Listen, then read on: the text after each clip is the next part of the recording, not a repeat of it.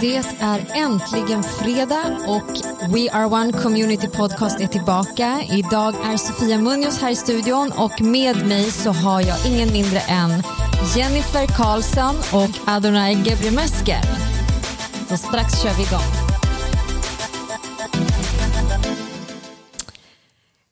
Jennifer och Adonai, välkomna till We Are One Community Podcast. Tack så mycket. Härligt att ha er här. Det är fredag idag, skönt eller hur? Yes. Lite ledighet. Men eh, vi kastar oss in i det vi ska prata om direkt. Så jag tänkte att ni får berätta lite om er själva. Och Adonai, börja. Vem är du? Eh, jag heter Adonai Gebremeskel och jag är 26 år gammal, fyller strax 27 i april faktiskt. Och eh, jag jobbar just nu inom äldreomsorgen i Blackeberg. Och eh, ja, eh, en man som älskar Jesus och eh, fortsätter framåt, planerar att plugga lite i framtiden, fram till höst. Får se vad det blir exakt. Nämn någonting som ingen vet om dig. Släpp någonting speciellt här i podden. Uh, jag är en ganska stor tekniknörd, om vi säger så. Är det så? jag vet inte om många vet om det, men jag är ganska stor. Alltså, Inom vilket område? Ganska allt. Jag kan mycket om datorer, mobiler, uh, mycket om skärmar och så vidare. Så jag håller Bra att veta. Om det är någon som behöver hjälp. Ja, om någon behöver hjälp. Du så. måste ta ett bra pris på det. Då. Ja, exakt. Jennifer, vem är du? Eh, ja, jag heter Jennifer, jag är 23 år gammal, jobbar som personlig tränare. Så um, mycket inne i träning och hälsa, den, den branschen tycker det är superkul. Mm. Vad är det för speciellt med dig då, som ingen vet? Oj, som ingen vet. Hmm. Några kanske vet om det redan, men um, jag uh, började, min träningskarriär började med att jag spelade fotboll. Mm -hmm. Och uh, ja. ja. nästan lite tvingat in, för min mamma kom från Brasilien, så det var som att man trodde att det skulle ligga i blodet. Nej, men jag älskade det. Ja. Uh, och det var så jag kom in på den banan. Mm -hmm. Trevligt att höra, och spännande. Men ni är ju med i vår kyrka, eh, Wow yes. Church. Ni är personer man ser bland våra ledare. Jag vet att du, Adonai, du jobbar med våra tonåringar bland annat. Och du jämför också där nu. Ja, jag har kommit dit med eh, har några kusiner som är i den åldern. Så vi har Jättebra. Med. Det är underbart att få se. Mm. se det. Ja. Men du är också med i vårt filmteam. Alltså ni, är ju lite, ni rör er lite i allt möjligt och ja. ni syns. Eh, men det som är speciellt med er är att ni verkligen har fått ett möte med Jesus, båda mm. två. Och eh, precis som man brukar säga att alla love stories är unika mm. så är ju också våra möten med Jesus unika. Mm. Så Adonai, kan inte du berätta, hur var det när du mötte Jesus? Um, min resa med Jesus har varit ganska upp och ner. Jag har varit ganska envis med Jesus. Men om jag ska säga det första mötet med Jesus var 2012. Då gick jag eh, igenom en ganska svår period med min pappa. Vi bodde, jag bodde i Skåne då och eh, vi hade inte så, min pappa hade inte, han mådde inte bra så han slösade pengar på massa olika saker. Så till sist hade vi inte el eller alltså råd Oj. att köpa mat eller ha maten. Eftersom du inte har el så kan du inte förvara mat. Så Nej. det är lite svårt att ha mat. Och vi kunde inte laga mat. Så i den stunden, och jag var ganska ensam på, natt, på nätterna för att han jobbade då. Och eh, då började jag faktiskt be till Gud. Jag kunde inte sova. Eh, och mörkret blev bara större och större. Tankarna blev bara större och större. Så jag började be. Hade du någon så här liksom erfarenhet av Gud eller tro tidigare liksom, i din familj? eller så? Eh, min familj är ortodox, som har ortodox bakgrund. Så mm. vi har gått till kyrkan, men jag har aldrig sett personer som springer efter Jesus, som har fått honom i sitt hjärta. Mm. Men jag har alltid haft en aning om att okej, okay, Jesus du finns. Mm. Jag vet att du dog på ett kors för min skull, men mer än det så var det inte. Så när jag verkligen behövde hjälp och jag ropade, då hjälpte han mig. Mm. Jag hade svårt att sova på nätterna eftersom tankarna blev större och större. Det började med att sova klockan ett, två, tre, sen blev det längre in på natten. Och när jag började ropa sa Gud, jag, jag hade fel bild av Gud så jag tänkte inte på att okay, han kan ta ut mig härifrån. Utan jag tänkte Jesus hjälp mig att sova bara. Mm. Och han hjälpte mig att sova. Mm. Så jag håller alltid mina händer i, det, i kors eller i eh, händerna ihop och tänkte så, nu, Gud nu håller jag i dig. Mm. Och eh, han hjälpte mig att sova. Sakta men säkert så fick jag längtan att läsa Bibeln. Men jag hann inte få en bibel innan vi blev vräkta och jag var tvungen att flytta till Stockholm då min mamma bodde här. Och eh, pastor Miriam, eh, eh, min barndomskompis heter Jafet och det är kusin till pastor Miriam. Så hon hade skrivit sms, han följde med mig den första veckan jag var i Stockholm. Och hon skrev kom till församlingen. Och då hängde alla vid Åseparken och då var det första gången jag fick kontakt med församlingen. Och sen har min resa börjat därifrån. Wow. Hur var det då när du, när du fick kontakt med församlingen där i Åseparken? Var det någon som tog hand om dig eller var det din kusin Jaffet som liksom drog dig till kyrkan? Nej, ingen av oss var direkt med Gud utan vi kom dit så träffade vi några från församlingen. Nahom Sellan var där som är ledare i församlingen också. Så det var li- lite olika personer som var där. Så fick kontakt och blev vänner och sen fortsatte det därifrån. Wow, vilken story. Eh, men det är så tydligt att Gud hör när vi ber. Ja. Och att han ser oss. Alltså att det här lilla ropet i våra hjärtan räcker för att han ska möta oss. Hur var det för dig då Jennifer? Du kommer ju från, du har lite kristen bakgrund också, eller hur?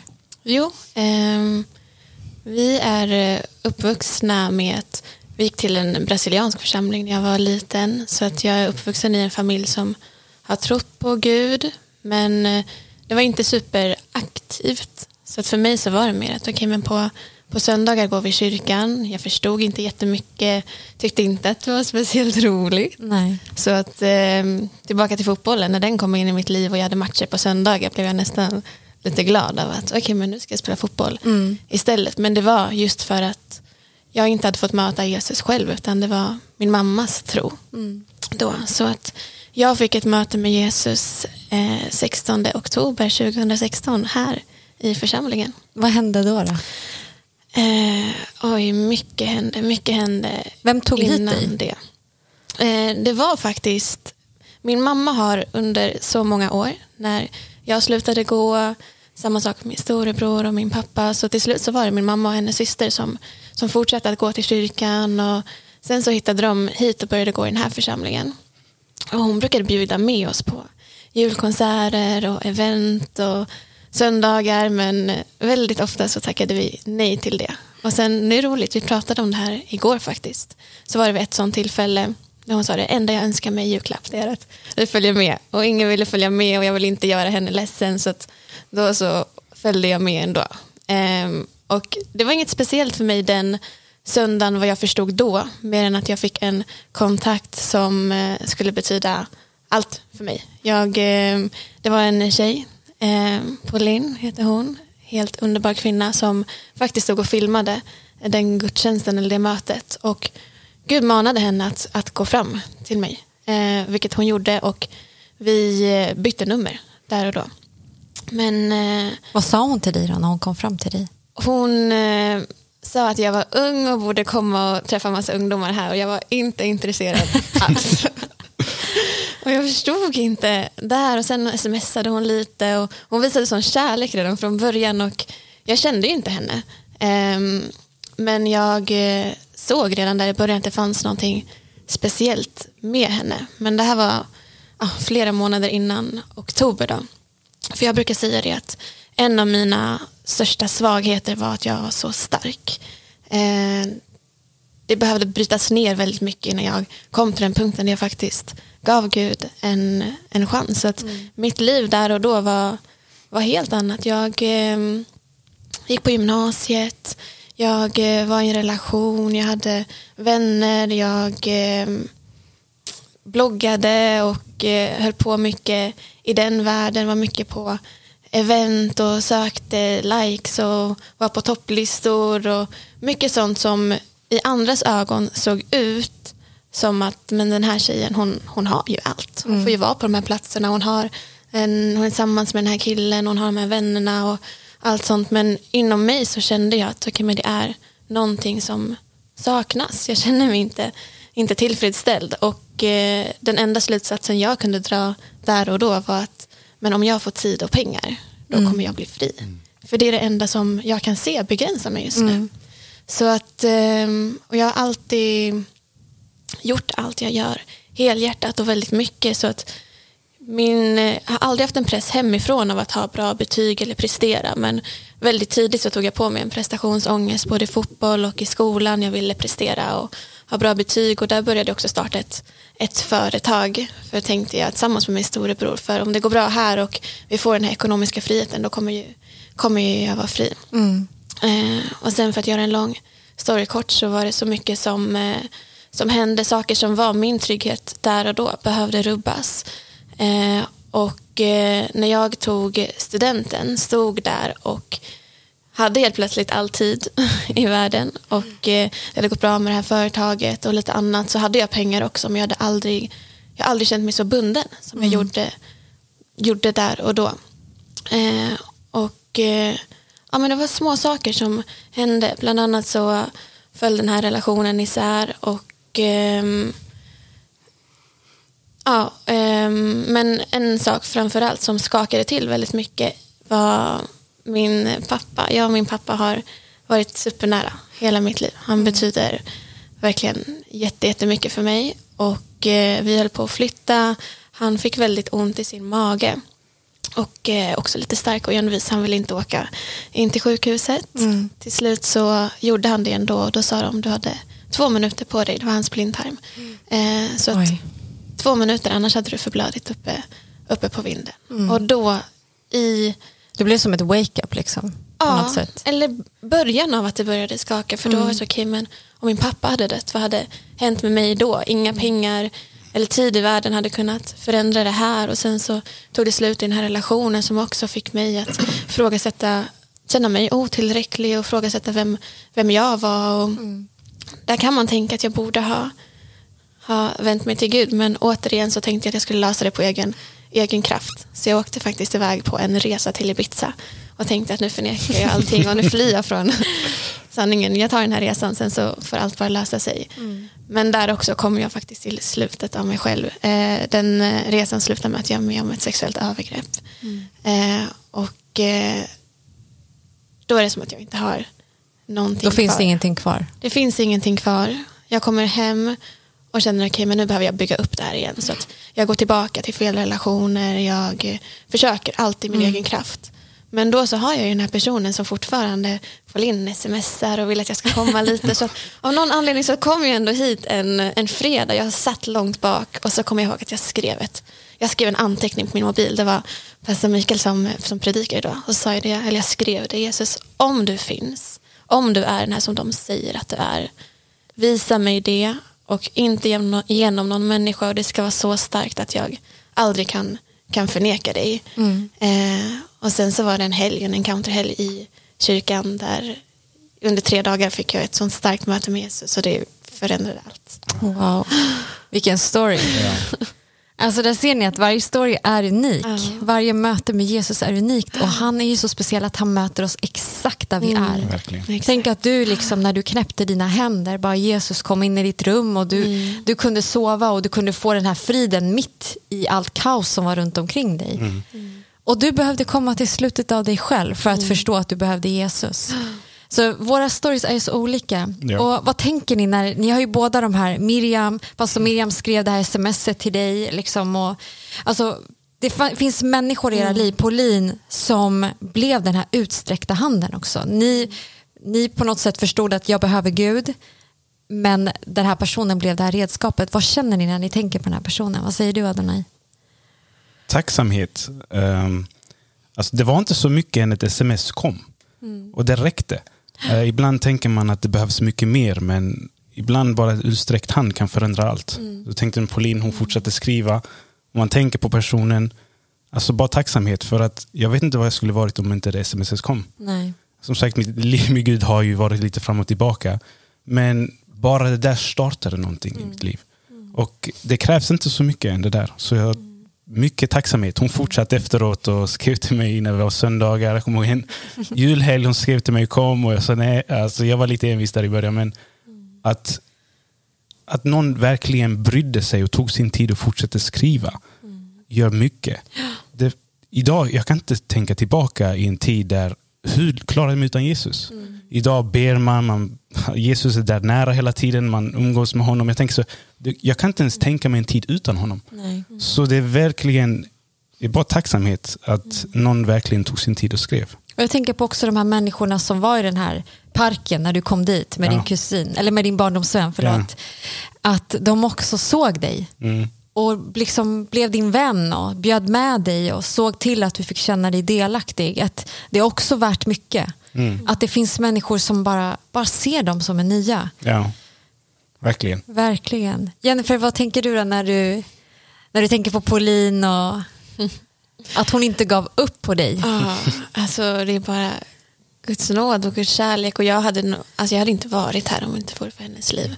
Om inte hon lät sig användas av Gud som hon gjorde. För att det handlade heller inte om egentligen hennes långa sms eller fina ord. För helt ärligt så läste jag inte majoriteten av det hon smsade mig. Men hur jag fick se genom hennes liv. För hon var så öppen med allt som hon själv gick igenom. Att hon inte var perfekt och att det inte handlade om henne. Men hur hon kastade sig på Jesus och hur hon öppnade sin dörr varje torsdag för att vi tjejer skulle få komma dit och vara i lovsång och möta Jesus. Det, det förändrade verkligen allt. Jag, eh, vi hade för ett tag sedan konferenser så att jag hittade en gammal anteckningsbok och så såg jag att jag hade skrivit där ehm, jag skrev av mig supermycket, jag hade otroligt mycket tankar, har jag fortfarande. Ehm, jag behöver bara sätta ord på det, men då hade jag ehm, bland annat skrivit att så här, Åh, jag önskar att Pauline hade skrivit en, en bok till mig, men nu när hon inte har gjort det så får jag läsa Timoteusbrevet istället och så får jag ringa henne sen. För det var någonting som hade hänt som jag behövde ett råd liksom för direkt. Och då var det så skönt, för jag visste inte. Jag visste inte hur jag, eh, hur jag skulle göra och det var så nytt hjälp att lära känna Jesus. Att ha en person som fick hjälpa mig, som fick älska mig, som bara fysiskt fick vara där. Det, ja, det betyder verkligen allt. Om ni ser tillbaka på era liv nu då, vad har hänt från det att du låg där i ditt rum på natten och du kom till slutet av dig själv där på den här resan i Ibiza. Vart, var kommer ni ifrån och vart är ni idag? Vad skulle du säga ungefär? Ehm, oj, vi hade en eh, jättestark eh, undervisning för ett tag sedan i vår wow-grupp som, som går i linje med det här och då så fick jag bara tänka på var jag kom ifrån och då skulle jag bara säga, jag satte ett sånt namn till mig själv och jag sa att jag har känt mig, oavsett vad jag gjorde, jag kände mig bunden. Och eh, det Jesus gjorde och det han har gjort idag, det är att han har satt mig fri. Så att jag har fått en frid som, eh, som ing, alltså jag vet att ingenting i den här världen kan, kan beskriva. Att idag få dela med mig av den friden och, och det Jesus har gjort, den friheten som bara finns i hans namn till andra, det, är, det, betyder, det betyder allt. Det är helt olika, olika liv. Det är en annan, en annan tjej ni sitter och pratar med nu. Du då Adonai? Eh, detsamma, alltså frihet skulle vara det största ordet man kan tänka. Att Gud har satt mig fri från så många saker och processen fortsätter alltid.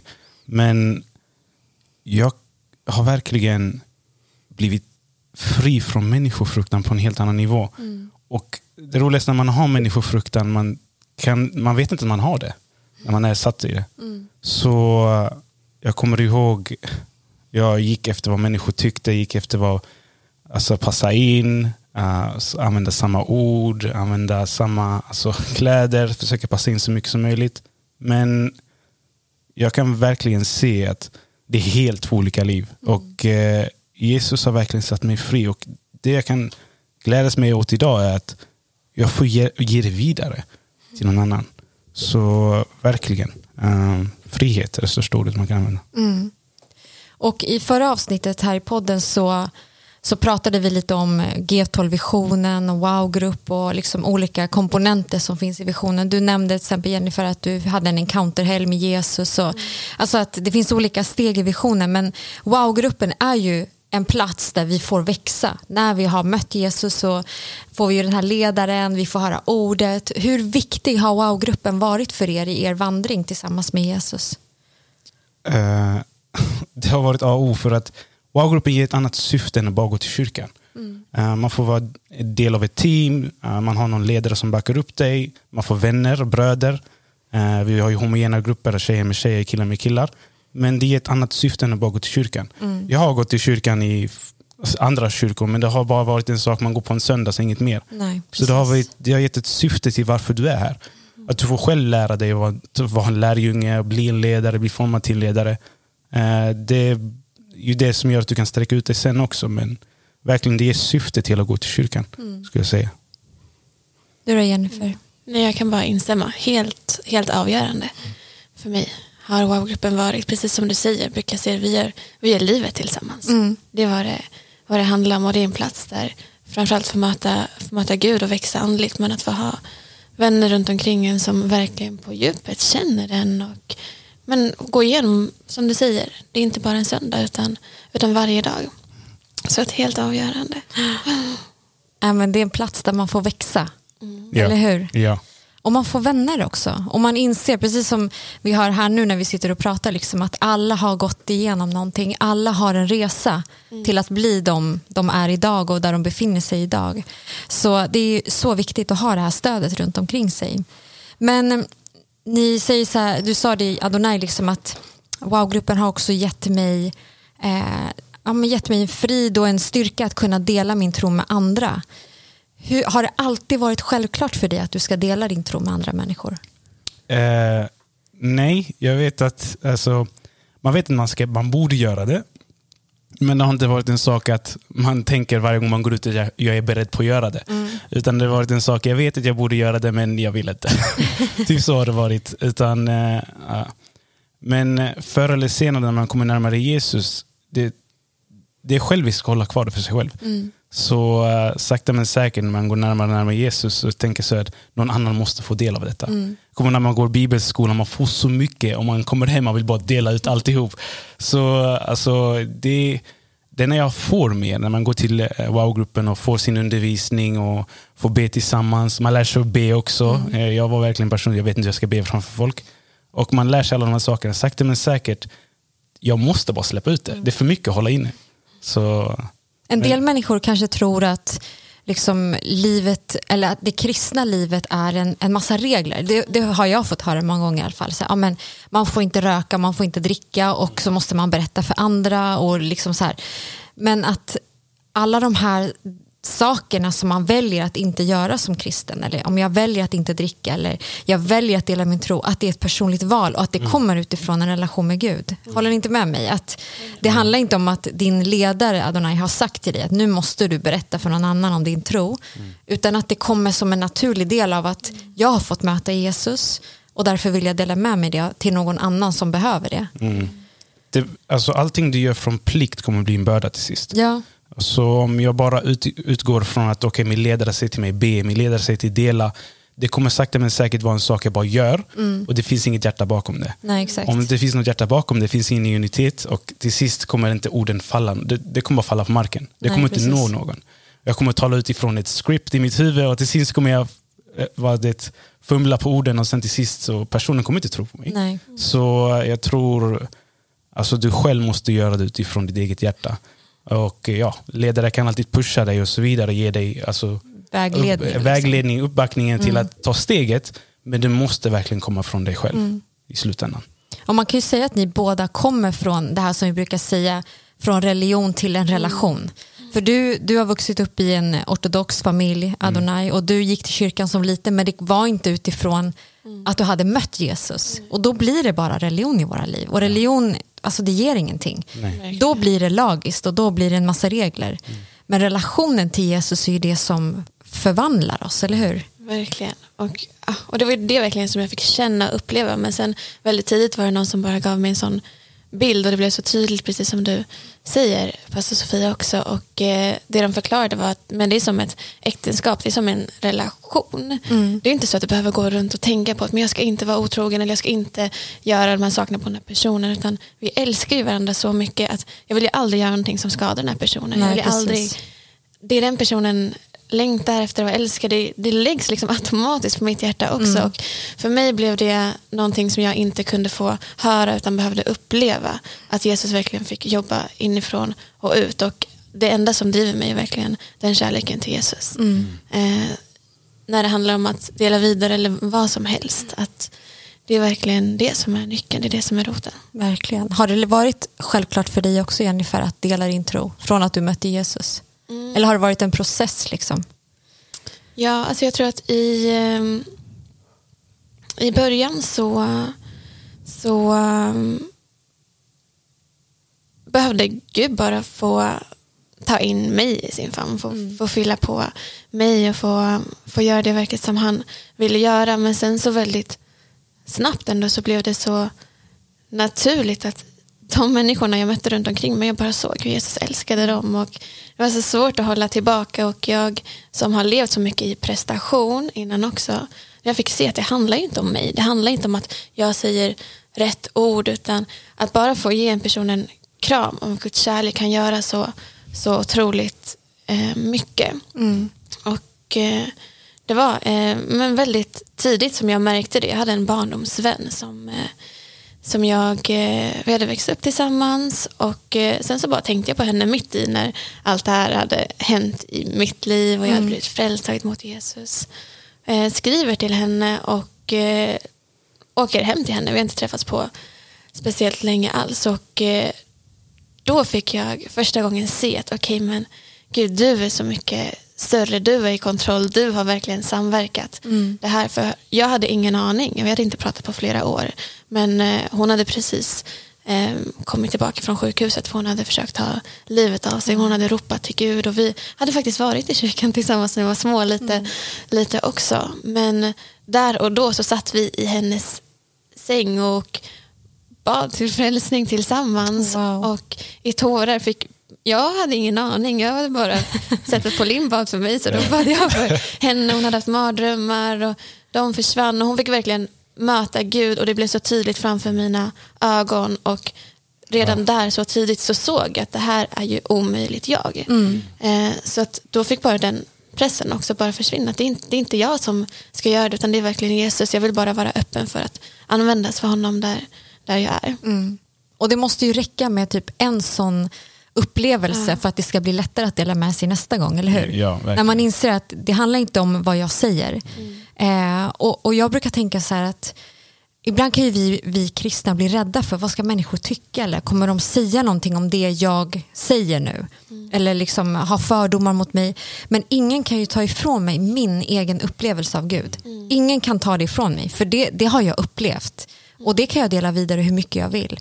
Och sen vet vi att, att Bibeln är ju kraft, alltså evangeliet är ju en kraftig frälsning. Mm. Så när vi delar Guds ord så kommer någonting ske i människors hjärtan. Kanske inte exakt i den stunden men, men det kommer bära frukt i deras liv. Ja, verkligen. Och jag utifrån min egen story också visste ju att det går ju inte att, att tvinga på någon en Nej. tro. Jag hade ju fått höra det här ända sedan jag var liten men det gick inte förrän jag själv ville. Så att alltid när jag får prata med människor eller dela någonting om Jesus, det är ju inte så att vi försöker övertyga dem eller vill att de ska tro på min tro. För då blir det samma story som jag hade med, mm. med min mamma. Utan att de själva ska få, få möta Jesus. En egen upplevelse. Liksom. Ja. Mm. Och låta ditt liv ha ett vittnesbörd. Uh, speciellt för gamla vänner. Mm. Uh, jag har ju vänner som har sett mig när jag inte följde Jesus, som har mm. sett mig efteråt också och tänker de ser en skillnad. Mm. Eh, livet med Jesus ska inte vara som sagt religion. Utan när det blir en relation så kommer du se en fysisk, du kommer också se en skillnad på en person. Mm. Att de har tagit något steg som inte du har tagit. Så det kommer också oftast konfrontera en person och tänka vad gör jag till mm. sist också. Fick ni höra från andra människor så här, vad har hänt med dig? Jag känner inte igen dig. Mm. Jag har fått det någon gång tror jag. Uh, jag har fått i alla fall kommentarer att efter vi har pratat, jag ser att du, jag tycker om det valet du har. Eller de märker att, att det beslut jag gjort har förändrat mig. Du då Jennifer? Ehm, eftersom att det hände så plötsligt för mig så tror jag att det blev som en chock för många runt omkring mig. Mm. Eh, och i början så var det så att människor tog avstånd och inte, inte förstod liksom vad, det, vad det som händer. Um, men sen eh, ju mer åren har gått så har det också varit personer som jag var vän med tidigare som har fått se att okay, men det här kanske inte bara var en, en period i hennes liv utan mm. faktiskt någonting som hände, någonting som hon lever för som, som idag är, är vänner som jag har som är mm. inne i mitt liv igen. Men eh, ja, det blev väldigt tydligt för mig. Mm. Eh, jag kände mig väldigt ensam i början. Mm. För att även fast det var mycket människor här i kyrkan så det var ingen som jag kände. Nej. Men jag visste att jag hade fått möta någonting och jag kunde inte förneka det. Nej. Och jag visste att jag behövde ge 100% för att kunna få 100% tillbaka. Mm. Wow. Jennifer, du delar ju nu om den här vännen som du besökte och som verkligen fick ett möte med Jesus. Men har ni varit med om andra tillfällen där, där liksom ni har varit ledda av Gud att, att dela er tro? Eller ni kanske bara så här, precis som du sa att Pauline kände sig manad i sitt hjärta av Gud att gå fram till dig och bjuda in dig liksom, till kyrkan. Har ni känt samma sak någon gång? Väldigt många gånger. Eh, det började mer och mer efter jag tog första steget och sträckte ut mig till en, för- en person. I början började det för mig att så, Gud sänd mig till en person. Jag fick en bön från min förra ledare Nahum Selam. Alltså be den här bönen och eh, alltså Gud sänd mig till en person som behöver hjälp. Och eh, efter jag kom till den personen, sakta men säkert, så blir det enklare. Man känner sig mer manad att gå till en person på tunnelbanan och bara dela ett ord. Eh, så ja, det blir alltid enklare desto mer man gör det. Men eh, man har inte alltid orden i början, men man lär sig. Så skulle Nej. jag säga för mig. Men har du någon sån där story du kan berätta? Där du har fått... Jag har många stories. Ja, där jag, välj någon. Någon. Eh, jag har en eh, från när vi kom tillbaka från Colombia 2019. Och kommer du ihåg, man eh, har fått höra på massor av predikningar, man har fått uppleva Colombia, uppleva Du väckelse. var fulladdad. Jag var Liksom. fulladdad och så jag kom hem och åkte tunnelbana på väg hem från jobbet. Och jag kommer ihåg, jag hade bara, det var som en eld som brann inom mig. Och jag tänkte jag måste bara dela till någon. Jag bara, jag bara måste göra det. Och jag kommer ihåg, jag gick ut, på, jag bodde i Vårberg då, så jag gick ut, såg den första personen jag tänkte att jag ska dela. Det var en stor kille, jag delade, alltså bara delade om Jesus lite och han bara rejectade mig totalt. Han, Hur eh, kändes bara gick, det då? då? hur kändes det? Jag tänker, okej, jag var inte beredd på det där, men vi fortsätter. Utan det brann fortfarande inom mig. Så jag gick lite längre, så ser jag en person lite längre bort. Och eh, hon har eh, gips hela vägen upp till låret, högre upp på låret. Och hon, jag bara kände att, ma- att Gud manade mig, be för hennes ben. Och jag tänkte, hur ska jag börja den här konversationen? jag har, för oftast, det tror jag oftast det var så svårast för mig var att man har inte oftast orden direkt i huvudet. Hur, hur ska jag börja? Men jag har lärt mig alltså, att bara gå och börja en, ett ord, med ett ord kommer alltid orden sakta men säkert framåt. Så jag gick fram, kanske väldigt awkward, men jag gick fram och tänkte hur ska jag börja? Så jag gick framför henne, sen vände mig om och tänkte hej, känner du Jesus? Och hon tänkte, hon blev chockad och så tänkte ja. Så jag frågade, kan jag få be för ditt ben? Så bad jag för hennes ben och sen jag frågade henne, går du i en kyrka? Hon sa, ja jag går i Södermalmskyrkan. Det var vår, församling som heter Wow Church nu, eh, Södermalmskyrkan var gamla namnet. Och jag tänkte, okej, men då får jag be för ditt ben igen. Hon sa, okej. Så jag bad för hennes ben och eh, vi fortsatte gå lite och pratade lite. Och tydligen gick hon i en wow-grupp. Och hon gick i ditt nät faktiskt. Och eh, och eh, hon pratade, sa att hon har inte gått i, i en tid. Så jag fick bara uppmuntra henne att ta kontakt. Senare så har vi träffats lite vid olika tillfällen. Sen det roliga är, precis ett år senare så går vi på ex- exakt samma väg och vi pratar och hon har kommit tillbaka till församlingen. Wow. Och hon säger, jag vill också åka till Colombia. Hon, har fått en, hon går fortfarande dit nät. Men hon, och hon, bara det där för mig tänkte jag, för det var så jobbigt att ta första steget. Men, eh, Men som- Gud gjorde det enkelt för dig det där tillfället. Ja, ja, han gjorde det enkelt för mig tillfället. Men det finns många gånger, jag har fler stories, Mm. där det har varit svårt. Det finns gånger man fått avslag och känt Mm. miss, sig missmodig. Och kanske det har svårt att ta nästa steg. Men precis som du Jennifer eh, gick med din kompis och bad med, henne till frälsning. Så när man får se alltså, frukten av att du bara pratar och säger ett ord. Gör så att helt plötsligt det är värt att göra 10 000 gånger mer. Ja. Så jag, ja, jag har fler stories men hon- Men jag tänker, den här personen kanske bara du vet, behövde en uppmuntran från Jesus. ja. Förstår du? Att så här, ingen har glömt dig. Du, är, du är fortfarande med på banan, kom igen. Bara liksom, ge Ja. ditt hjärta igen. Så du var ju ledd av Gud i det tillfället. Ja, ja. Idag är hon med igen. ja, verkligen. Och jag tror eh, eh, när, när man känner sig manad att gå fram till någon så kommer alla tankar gå framåt. Och jag tror desto längre du väntar till att lyssna på vad den helige anden säger och vad Gud säger till dig. Eh, om du väntar så blir det svårare att gå. Om jag skulle väntat några sekunder till, logik skulle slå till och tänkte det här är dumt att göra.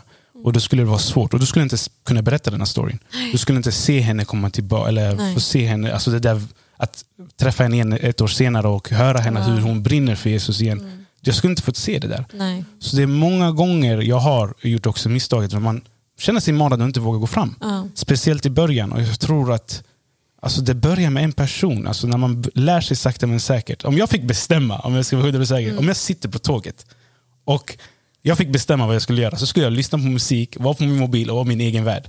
Om jag känner mig manad till någon annan, jag vet det här är Gud, det skulle inte varit jag. Nej. Om jag fick bestämma, jag skulle inte prata med någon. Nej. Så eh, oftast måste man ha övertygelsen och tro att Gud, att den här personen kommer ta emot om du säger något. Och att man faktiskt hör Gud. Ja. Ibland kan man bara, men det är bara mina känslor nu som, som säger mig det här. Men att verkligen lita på också den här inre rösten som är den helige ande. Du då Jennifer, har du något exempel?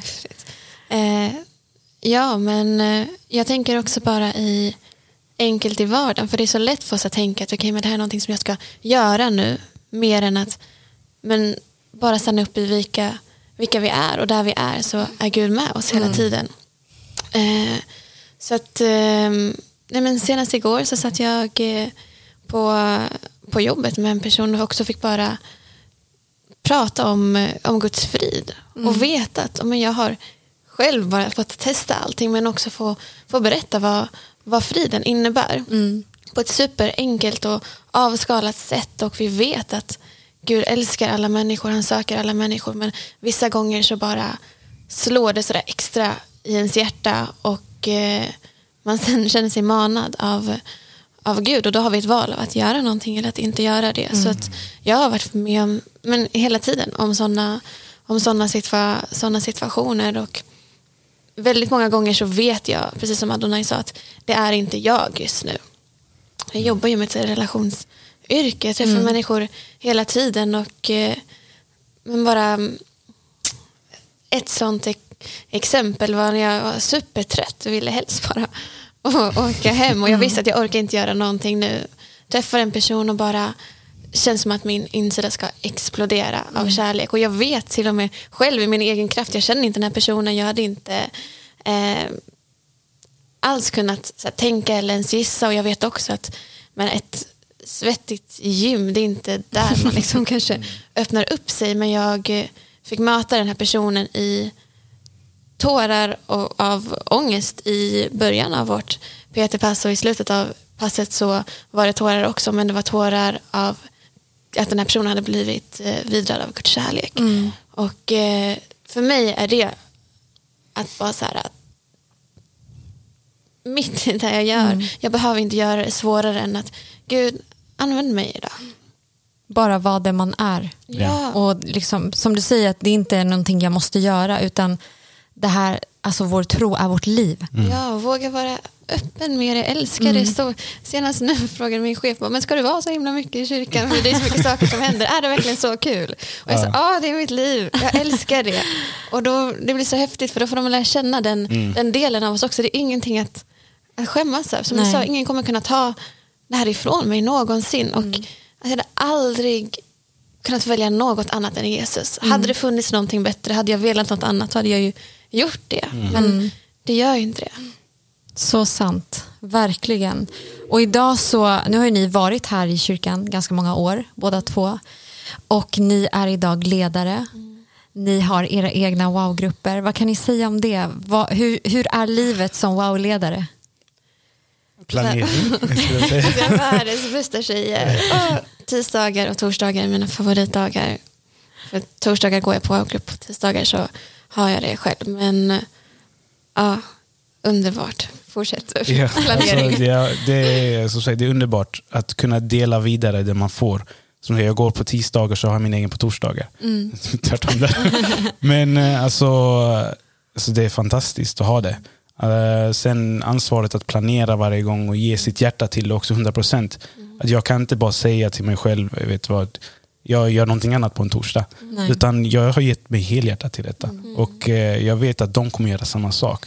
Oftast det jag gör nu har jag sett min egen ledare göra. Så eh, det är verkligen, alltså, jag känner glädje att gå till den här jag går till, går till och ha min egen. Att se allihopa, det är verkligen glädje. Hur många killar har du Adonai? Ehm, jag har 13 för tillfället. Wow. Och de är i åldrarna Mellan eh, 15 och 18. Eller 15 och 19. fantastiskt. Kommande ledare. Ja. Och Jennifer, hur många tjejer har du? Eh, men de är tolv nu. Ja. Wow, spännande. Ja. Underbart. Och jag vet att ni också får se mirakler i era wow-grupper. Att Gud gör saker, att människor blir frälsta. Du har några lärjungar som ska döpa sig snart vet jag Jennifer. Så det händer ju saker. Och eh, jag tänker så här att det kanske sitter någon och lyssnar idag som längtar efter precis det vi har pratat om. Att vara den här personen som delar med sig av sin tro. Det börjar ju såklart med att man har fått ett eget möte med Jesus. Vi brukar säga att om inte jag är hel så kan inte jag ge någonting vidare till någon annan. Att, Precis som du sa, Jesus behövde ta mig in i, min, i sin famn innan jag kunde liksom börja prata med människor och dela med mig. Men om man är på den platsen att man är redo att jag vill dela min tro med andra men jag vet inte hur jag ska göra. Eller man kanske tycker att det är läskigt, man kanske känner att det finns saker som hindrar en eller, eller man vet bara inte var man ska börja någonstans. Vad skulle ni vilja säga till den personen? Ska jag börja? Ehm, ta ett steg och dela med en person. Um, alltså Bibeln är väldigt klar till att vi har fått en befallning att dela evangeliet och göra alla folk till lärjungar. Men hur man delar upp till oss, vad jude för jude, grek för grek, alltså anpassa det efter den tiden vi är i. I Bibelns tid så hade de inte sociala medier, idag har vi sociala medier. Så alltså, hitta din, alltså, din, ditt sätt att dela evangeliet som du är bekväm i, men börja med en person.